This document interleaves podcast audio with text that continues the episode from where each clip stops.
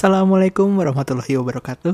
Kamu sedang mendengarkan Arvi Praon Podcast episode 44 yang akan membahas mengenai Near Field Communication atau disingkat NFC dan kegunaannya saat ini di Indonesia. Selamat mendengarkan.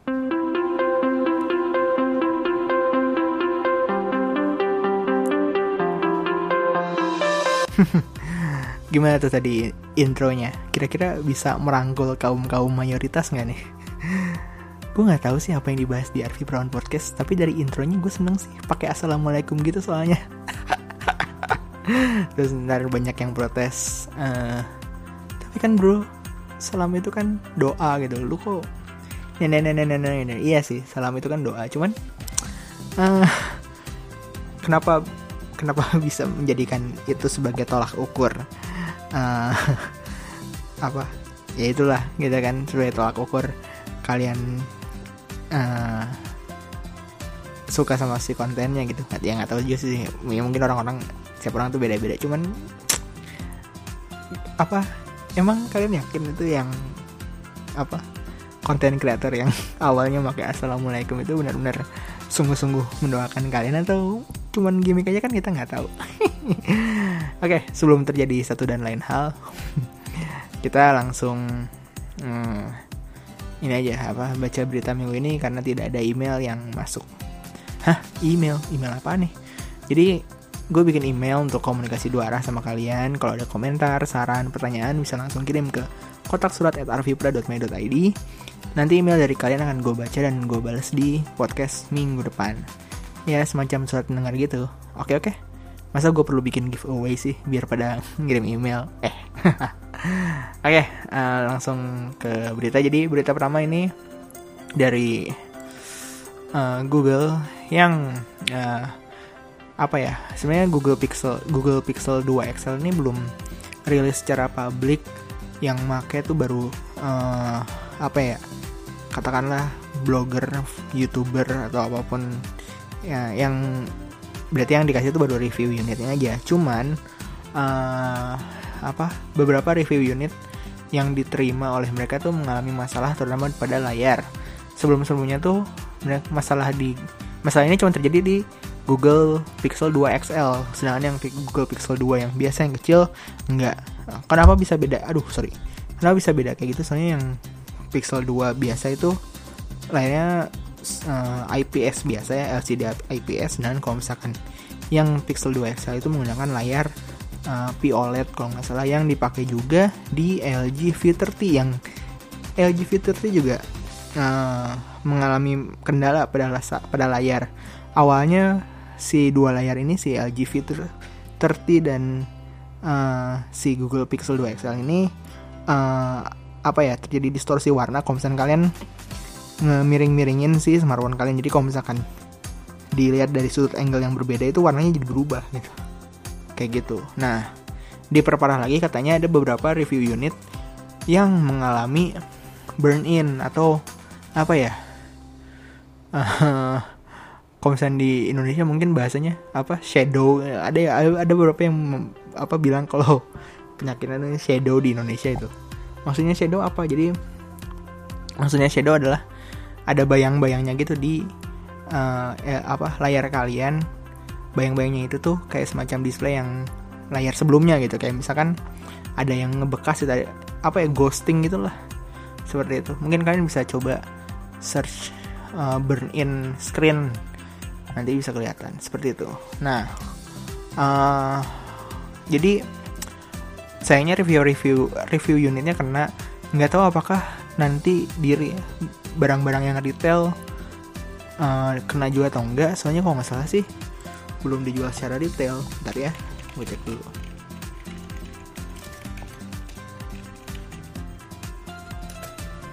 kalau nggak salah ya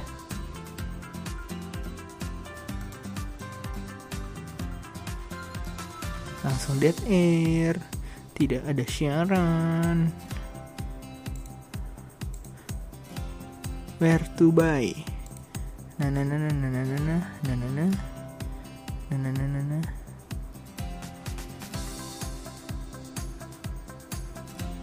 ya pokoknya gitulah. Oh ternyata udah ding. Udah di udah dijual. Cuman yang kena tuh katanya yang review unit sih.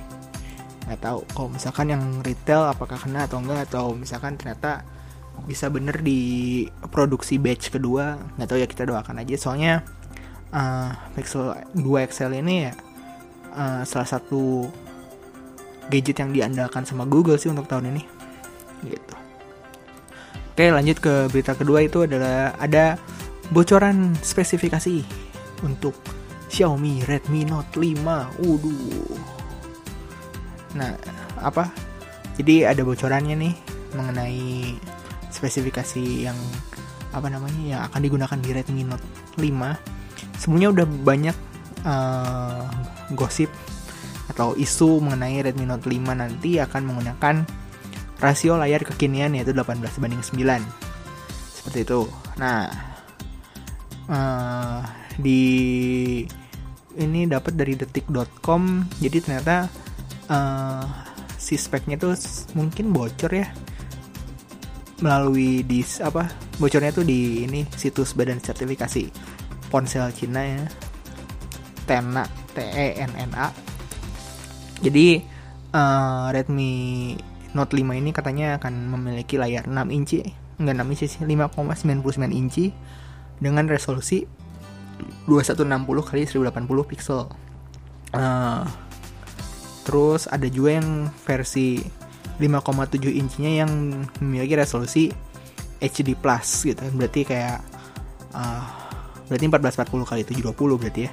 Kayak Vivo V7 Plus keduanya akan ditenagai prosesor octa-core Snapdragon 450 tapi clocknya dinaikin jadi 2 GHz katanya jadi Snapdragon 450 juga sebenarnya ini juga sih apa base clocknya tuh 1,8 GHz harusnya harusnya. Cuman di sini di overclock jadi 2 GHz jadi uh, speednya sih sama kayak 625 ya cuman nggak tahu.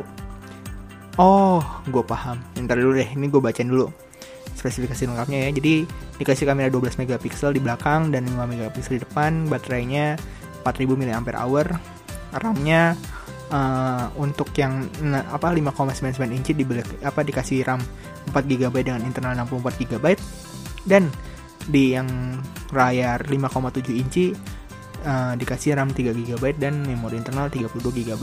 Keduanya uh, bisa ditambahin micro SD sampai 128 GB seperti itu. Nah, oke okay, balik lagi ke tadi ini jujur nih ini gue juga baru baru nyadar dan nggak ada di nggak ada di script jadi uh, pas waktu bocoran ini keluar sebenarnya banyak yang debat kayak aduh kok si apa Redmi Note 5 pakai prosesor yang jadul sih gitu kan. Eh yang jadul.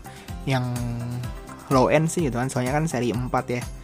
Soalnya sebelumnya Redmi Note 4 itu dikasih 625 nah jadi uh, setelah gue bandingin antara Snapdragon 450 dan 625 sebenarnya 450 sama 625 ini mirip banget uh, dari segi fitur dari bukan prosesor sih sistem on chip Snapdragon 625 dan 450 itu mirip banget dari segi fitur ISP-nya terus DSP-nya gitu kan. Yang membedakan tuh cuma 625 itu clocknya lebih tinggi di 2 GHz tapi tidak mendukung resolusi eh, kekinian 6 apa 18 banding 9 sedangkan 450 clocknya itu tuh 1,8 GHz mean lebih lebih lebih pelan dibandingkan Snapdragon 625 tapi dia mendukung resolusi kekinian gitu kan. Nah di bocoran ini tuh dikasih Snapdragon 450 dengan base clocknya tuh 2 GHz berarti uh, clocknya itu sama dengan 625 berarti ya katakanlah si Redmi Note 5 ini menurut rumornya ya dikasih prosesor yang support dengan layar kekinian dengan performa yang sama seperti Snapdragon 625 berarti nggak downgrade down, downgrade amat gitu seperti itu. Sedangkan ada sempat yang ngebales kayak uh, kenapa nggak pakai 636 aja gitu kan? Ya kurang tahu juga sih. Soalnya uh, setahu gue 636 tuh udah menggunakan prosesor yang beda. Dia, dia pakai prosesor Cairo eh ya apa? Trio itulah Cryo gitu Cryo ya Cryo gitu. Uh, di mana hmm, itu tuh cukup ini juga sih maksudnya ya misalkan ini harganya 2 jutaan sih wajar-wajar aja sih misalnya dikasih spek kayak ini menurut gua ya. Menurut gua. Oke okay, uh, eh, ini panjang banget bahas Xiaomi dong. Oke okay, terus uh, berita ketiga itu ada Windows 10 Fall Update. Udah bisa kalian icip kalian yang menggunakan OS Windows 10 kalian bisa coba cek update software kalian uh, kalian bisa mendapatkan si Windows 10 Fall update-nya. Yang membedakan tuh di bagian action centernya jadi lebih apa ya uh, lebih memudahkan kalau misalkan kalian menggunakan mode tablet atau apalah. Soalnya si pilihannya si buttonnya jadi lebih gede si tulisannya jadi lebih banyak yang ditampilin lebih besar sih ininya dan segala macem. Seperti itu. Terus di bawah di sebelah notification dan segala macem itu ada uh, apa shortcut buat people. Jadi kalian bisa langsung apa ngirim email atau apa langsung ke uh, si shortcut people-nya ini gitu seperti itu. Terus selain itu juga uh, menu start yang di revamp dikasih apa namanya beberapa desain-desain yang kekinian transparan dikit-dikit gitu. Terus apa lagi ya? Uh, oh ya dukungan ini apa? Seamless folder dengan OneDrive. Terus Paint 3D uh, eh, terus juga ada 3D buildernya juga. Terus di file explorernya juga ada kayak semacam folder yang apa dikhususkan untuk menyimpan file-file 3D seperti itu seperti itu. Ya pokoknya gitulah uh, kalian bisa langsung update aja gratis. Update ini gratis nggak dikenakan biaya. Yang penting kalian sudah menggunakan OS Windows 10 gitu. Oke okay, hmm, itu tadi aja berita untuk minggu ini. Sesuai judul gue mau bahas NFC ada yang masih belum tahu NFC itu apa ini gue coba breakdown dari singkatannya aja kali ya. Jadi NFC itu adalah singkatan dari Near Field Communication yang berarti jalur komunikasi dengan jarak yang cukup dekat, bahkan perlu saling tempel. Kok harus berdekatan? Kok kayak balik lagi ke zaman batu gitu kan yang transfer pakai infrared gitu kan yang harus ditempel ditempelin gitu kan sekarang kan udah ada wifi udah ada bluetooth gitu kan seperti itu. Yep, uh, kalian nggak salah kok untuk transfer file itu emang masih mending menggunakan jaringan WiFi atau Bluetooth. Tapi NFC ini memiliki keunggulan yang tidak dimiliki oleh jalur komunikasi dua tadi yang gue sebut tadi. Keunggulan ini tuh didukung dari sifatnya yang harus berdekatan, harus nempel, uh, yaitu adalah autentifikasi yang tidak menggunakan pairing bahkan password. Jadi cukup di tap ke device target dan komunikasinya udah terjalin. Seperti itu. Power yang digunakan juga lebih kecil, untuk device dengan NFC pasif seperti kartu e-tol, iktp, stiker NFC itu hampir tidak menggunakan power sama sekali. Karena fungsinya yang hanya untuk dibaca oleh perangkat NFC aktif. Begitu juga sebaliknya, seperti itu. Lalu kegunaan NFC ini apa aja? Untuk di Indonesia sendiri itu masih terbatas. Ya mungkin bisa penggunaan sehari-harinya itu paling cuman yang ada di kota-kota besar. Jangan kota-kota besar kayaknya cuma Jakarta doang deh untuk penggunaan NFC setiap hari. Uh, contoh yang paling gampang itu ya kartu pembayaran instan semacam e-money dari Mandiri, Flash dari BCA, BNI Tap Cash, dari BRI dan lain-lain. Kan kartu-kartu itu kalau di Jakarta kan en, apa cukup dipakai bukan cukup dipakai apa ya uh, emang dipakai untuk uh, entah itu komuter pakai kereta, pakai Transjakarta dan lain-lain itu kan seperti itu. Atau misalkan dipakai untuk bayar tol seperti itu. Sedangkan kalau misalnya di kota-kota lain mungkin belum se membutuhkan itu itu seperti itu. Nah kartu-kartu tersebut tuh memiliki kode identifikasi pada kartunya dan jumlah saldo nya tuh ada di server. Jadi NFC itu digunakan untuk mengetahui uh, ini identifikasi apa identification cardnya berapa terhubung ke server terus uh, dan apa namanya mengetahui si saldonya berapa dan juga bisa dipakai untuk mengisi saldo tersebut menggunakan smartphone Android. And juga NFC juga bisa digunakan untuk membantu pairing smartphone ke suatu device seperti smartphone yang lain, kamera, Bluetooth headphone, Bluetooth speaker dan storage eksternal gitu kan. Di mana yang sebelumnya tuh untuk pairing tuh membutuhkan autentifikasi seperti PIN, terus password, ada butuh apalah dan segala macam pairing berupa angka dan cocok-cocokin angka dan lain-lain.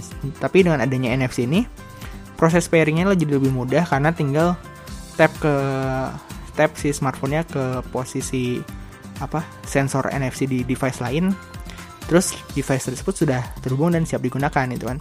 Tidak perlu menggunakan password dan lain-lain. Contoh penggunaannya itu kayak kalau misalkan kalian baru beli smartphone katakanlah gitu. Terus kan biasanya baru beli kan dikasih ada setup awalnya kan yang ngisi ngisi email gitu kan. Hmm, apa login wifi dan segala macam nah kalau misalkan kalian mau transfer data ke HP kalian yang baru dari HP kalian yang lama itu ada pilihan tap and go kalau nggak salah atau apalah. Gue juga lupa soalnya HP gue yang sekarang udah nggak ada NFC-nya ya kalian tau lah apa. Nah itu tuh kalau misalnya ada NFC-nya tuh ada pilihan buat tap and go itu jadi kalian tinggal ngetap aja sih HP lama kalian ke HP yang baru. Tet nanti sama dia langsung uh, nyalain bluetoothnya langsung ke pairing otomatis langsung ditransfer uh, file-file dari HP lama ke HP yang baru seperti itu.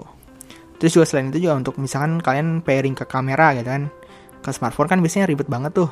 Harus connect ke wifi ini terus download aplikasi ini dan lain-lain.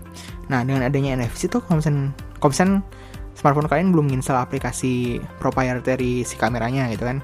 Kalian tinggal tap ke si NFC-nya NFC-nya tahu kalau misalkan oh ini smartphone-nya belum diinstal aplikasi kameranya nih.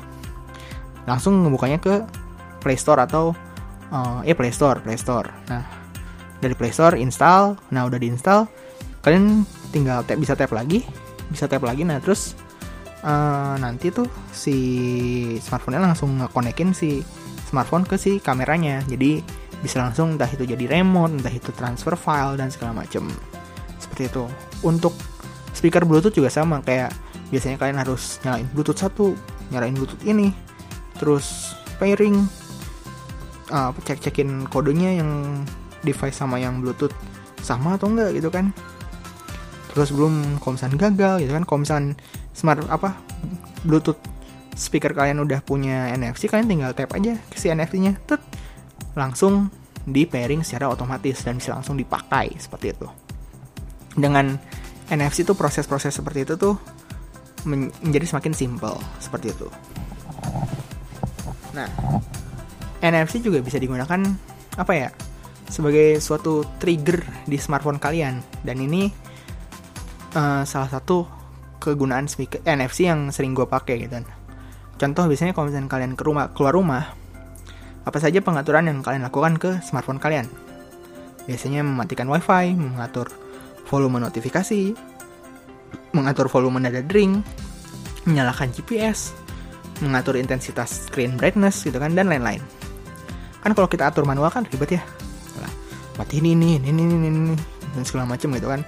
Bahkan kadang lu suka lupa gitu kan kayak aduh lupa matiin wifi wifi-nya nyala terus ngaruh ke baterai baterainya cepet habis itu kan nggak bisa tahan seharian dan segala macam nah dengan NFC ini uh, kalian bisa beli stiker NFC yang bisa diprogram.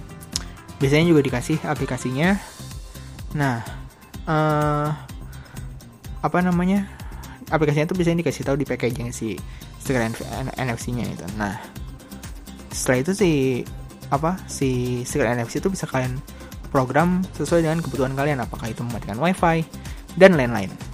Lalu tempel stikernya di tempat yang mudah dijangkau gitu kan kayak misalkan di dekat pintu kamar, di dompet, di hmm, di laptop, di apalah seperti itu.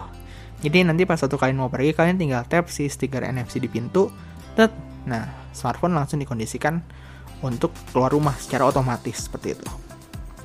Nah uh, ini fitur emang kekinian banget ya kayak apa ya kayak hmm, semacam sih smartphone itu udah satu tingkat sama Jarvis gitu ya. Bisa apa namanya walaupun Jarvis um, lebih keren lagi karena menggunakan voice. Kalau ini kan masih harus di tap cuman uh, sebenarnya bisa sih menggunakan voice. Cuman uh, gue lebih suka tap aja karena lebih presisi dan apa langsung tepat sasaran gitu seperti itu. Nah tapi kan stiker NFC itu cukup mahal ya kalau nggak salah satu pak itu seratus ribu terus isinya 4 jadi kayaknya 25 ribuan. Kok nggak salah ya? Ya 25 ribu 15 ribu lah stiker NFC NFC ini nah buat kalian yang kere hore waduh udah di awal pakai assalamualaikum terus ada konten kere horenya waduh. Kalian bisa lakukan tips ini. Kalian bisa minta stiker tiket dari Telkomsel gratis dan tanpa ongkos kirim di digitalpayment.telkomsel.com nanti di kanan atas kalau nggak salah ada pop up tulisan kirim stiker gratis. Nah syarat dari stiker gratis ini tuh uh, kalian punya nomor Telkomsel yang aktif untuk minta kode OTP setelah kalian dapatkan stiker tiket ini kalian bisa download aplikasi Trigger di Play Store di aplikasi itu kalian bisa memprogram stiker NFC termasuk stiker si TKS ini. Nah, di programnya tuh ya kayak tadi untuk menjalankan perintah seperti menyalakan GPS, matiin WiFi, nyalain WiFi dan lain-lain. Nah, untuk penggunaan yang lebih advance kalian bisa beli aplikasi Tasker di Play Store itu untuk yang advance kalau yang apa mudahnya tuh yang tadi trigger tadi trigger itu uh, setupnya lumayan cuman lebih mudah dibandingkan Tasker. Nah, itu tuh kalian pokoknya kalian bisa dapetin stiker, NFC, stiker tiket, stiker tiket itu NFC juga, pakai teknologi NFC dan gratis gitu. Bahkan ongkirnya pun nggak ada gitu, bebas ongkir. Gue gue juga sempet kaget, gue sempet nyobain minta ngirim sekali. Terus dikasih beneran ada, makan Ninja Express kalau nggak salah. Dikasih gratis nggak ngeluarin duit sama sekali, sedangkan di kios-kios kayak Alfamart, Indomaret itu tuh dihargain goceng men. Lumayan tuh goceng. Ya kayak gini pokoknya kayak gitu. Apa? Hmm, buat ngakalinnya gitu ya. Daripada kalian keluarin 15 ribu ini lebih uh, kere hore banget lah. Gratis. Nah seperti itu. Ya kira-kira penggunaan NFC di Indonesia tuh untuk saat ini ya kayak gitu tuh buat tadi. Satu buat baca saldo kedua buat mm, apa konektivitas ke device ketiga, ketiga yang sering gue pakai ya buat otomasi otomasi di smartphone itu seperti itu. Nah, kalau misalnya di negara-negara maju tuh seperti US, penggunaan NFC ini tuh udah lazim digunakan untuk pembayaran itu kan menggunakan Android Pay, Samsung Pay, Apple Pay gitu. Kata ade gue yang sekarang lagi di kuliah di US tuh pernah bilang gini, jarang banget ade keluar terus bawa duit cash. Ke mana-mana tuh cukup bawa iPhone sama kartu debit aja. Soalnya rata-rata toko udah mendukung pembayaran cashless. Bahkan stand-stand semacam di bazar gitu tuh stand-stand yang apa yang ya stand-stand gitu udah punya EDC-nya sendiri untuk pembayaran gitu. Jadi tinggal tap aja iPhone atau misalnya misalnya nggak nggak bisa ya pakai debitnya aja seperti itu. Sedangkan di Indonesia tuh masih harus menggunakan kartu sebagai perantara. Itu pun rata-rata masih digunakannya di kota-kota besar aja gitu kan di kota-kota jangan di kota-kota besar. Penggunaan sehari-harinya itu paling cuma di Jakarta doang. Di kota-kota besar kayak misalkan Bandung Surabaya gitu kayaknya kebutuhannya paling uh, buat ini doang buat pembayaran di apa minimarket minimarket gitu. Ya nggak sih? Tolnya di tol sih ya, di Bandung sih Paster bisa udah bisa make apa udah bisa make si kartu tadi. Cuman uh, apa ya nggak sesering orang Jakarta yang menggunakan tol gitu. Orang-orang Bandung yang menggunakan tol tuh nggak sebanyak orang Jakarta nggak sesering orang Jakarta menggunakan tol dalam aktivitasnya seperti itu. Ya gitulah. Mungkin membutuhkan waktu tiga tahun lah kira-kira biar cashless society ini bisa berjalan dengan ini. Itu pun tiga tahun kayaknya di Jakarta doang kayaknya kayaknya sih. Gitu. Sampai saat ini tuh baru Telkomsel Tiket saja yang perantara transaksinya tuh bisa memanfaatkan NFC di smartphone. Masalahnya tuh kompabilitas di apa ya maksudnya nggak nggak bisa di gimana ya dikit vendor yang vendor atau toko yang pakai ini gitu kan. Setahu gue tuh cuman di McD McD bisa. Beberapa restoran ada Solaria kayaknya nggak salah bisa bioskop tuh cuman beberapa bioskop doang yang bisa. Ada yang enggak juga ada yang nggak bisa juga. Sama uh, apa ya? Ya itu paling buat tiket ya seperti itu. Nah itu tuh kalau kalian belum tahu tuh tiket itu tuh bisa kalian nggak usah nggak usah kalau misalnya kalian pakai tiket ya buat transaksi kalian bisa menggunakan smart NFC smartphone kalian untuk apa menjadi perantara transaksi gitu. Nggak usah pakai stiker yang jelek itu yang yang apa selalu ada di belakang HP aduh gue heran banget tuh kenapa sih orang-orang pada seneng banget pakai stiker gituan? Bikin jelek lah gak sih? Ya nggak tahu sih mungkin orang lain merasa keren kali ya pakai kayak gituan. Oh ya tapi tadi kan gue udah puja-puji banyak hal di mengenai NFC dan wah NFC pusing ini segala macam cuman ya ada pasti ada kelemahannya gitu kan. Kelemahan kelemahannya tuh contohnya tuh ya rawan untuk diretas. Gitu. soalnya apa kita bisa lihat banyak dompet atau tas yang menawarkan anti NFC reader. Sehingga kartu kredit kartu debit itu tuh yang disimpan di dompet atau di tas tuh tidak mudah diambil informasinya gitu kan. Kalau misalkan uh, dompet kalian belum apa ya belum menawarkan fitur anti NFC reader kan coba aja scan. Kalau misalkan ternyata kebaca ya berarti uh, kemungkinan untuk diretasnya tinggi. Tapi itu ya harus bersentuhan juga sih nggak nggak secara wireless. Cuman ya ya masalahnya sekali kena sekali kena langsung langsung bisa kekirim si datanya seperti itu. Cuman ya itu apa uh, antisipasinya ya bisa membeli tas dan dompet yang menawarkan anti NFC reader seperti itu. Biasanya ada magnet magnetnya gitulah terus juga untuk smartphone juga uh, apa kita bisa menonaktifkan NFC saat tidak digunakan jadi ya oh gitulah.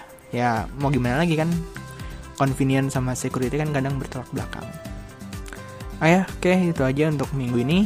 Menurut kalian gimana? Apakah NFC membantu kalian dalam kehidupan apa menjalani aktivitas kalian sehari-hari? Atau bahkan ada yang baru tahu kegunaan NFC saat mendengarkan podcast ini? Kalian bisa kirim email ke kotak surat at untuk nah apa uh, ya kita sharing-sharing mengenai NFC nanti gue baca di apa di podcast minggu depan dan langsung gue balas di podcast minggu depan seperti itu. Terima kasih sudah mendengarkan. Uh, sekitar satu bulan lagi podcast ini berumur satu tahun. Kalau misalkan gue bilang hal-hal yang sentimental semacam aduh nggak kerasa ya udah satu tahun kalian percaya nggak sih? Yang gue rasain ya jujur yang gue rasain uh, saya bukan bukan aduh nggak kerasa ya udah satu tahun. Cuman kayak uh, ih gila ya udah satu tahun. Perasaan yang gue bahas tuh masih dikit. Seperti itu. Uh, ya satu minggu satu episode berarti harusnya sekitar 48 episode kan yang udah gue bikin. Itu gue ngerasanya kayak kayak masih belum banyak nge-share semua yang gue tahu gitu buat ke, ke kalian gitu atau dan lain-lainnya lah ya soalnya ya ter, terbuktikan maksudnya banyak juga yang masih salah kaprah masih salah apa terus kayak uh lu macam tahu segalanya aja Vi iya iyalah. Hmm. gue udah ya udah lah ya gitu. Uh, oke okay, pokoknya itu uh, banyak apa gue masih ngerasanya kayak kayak satu tahun ini waktu apa uh, masih bisa dibilang singkat banget untuk membuat suatu konten yang rutin. Dan walaupun gue juga banyak banget golosnya sih seperti itu. Uh, terus juga dalam rangka sebenarnya ya dalam rangka sih dalam rangka satu tahun ini juga gue mau bikin Arvi Brown Podcast live lagi. Kemungkinan besar di YouTube lagi tapi ya who knows. Uh, mungkin uh, apa di Instagram mungkin. Yang nggak tahu juga. Uh, dan kalau misalnya ada rezeki mungkin akan ada giveaway. Ya kalau misalkan beneran ada giveaway info-infonya nggak akan lama lagi lah. Uh, pantengin terus di sosmed Arif Brown Podcast ya. Dan kayak banyak yang yang follow lu aja sih gitu. Uh, tapi uh, jangan dulu disebar ke halayak ramai. Uh, cukup kita kita aja yang tahu ntar ada saatnya lah ya saya ngapain juga sih ini kalian juga nggak mungkin nge-sharein ke teman-teman kalian nggak sih iya nggak sih gitu oke okay? kalian uh, bisa dengerin podcast ini di SoundCloud di Apple Podcast di aplikasi podcast apa pun di Android dan website arvipra.my.id ada juga sosmednya di Facebook, Instagram, Twitter, dan lain official account. Yang mau follow, silahkan. Yang enggak juga nggak apa-apa. Oke, itu aja dulu. Semoga hari-hari kalian menyenangkan, dan dadah!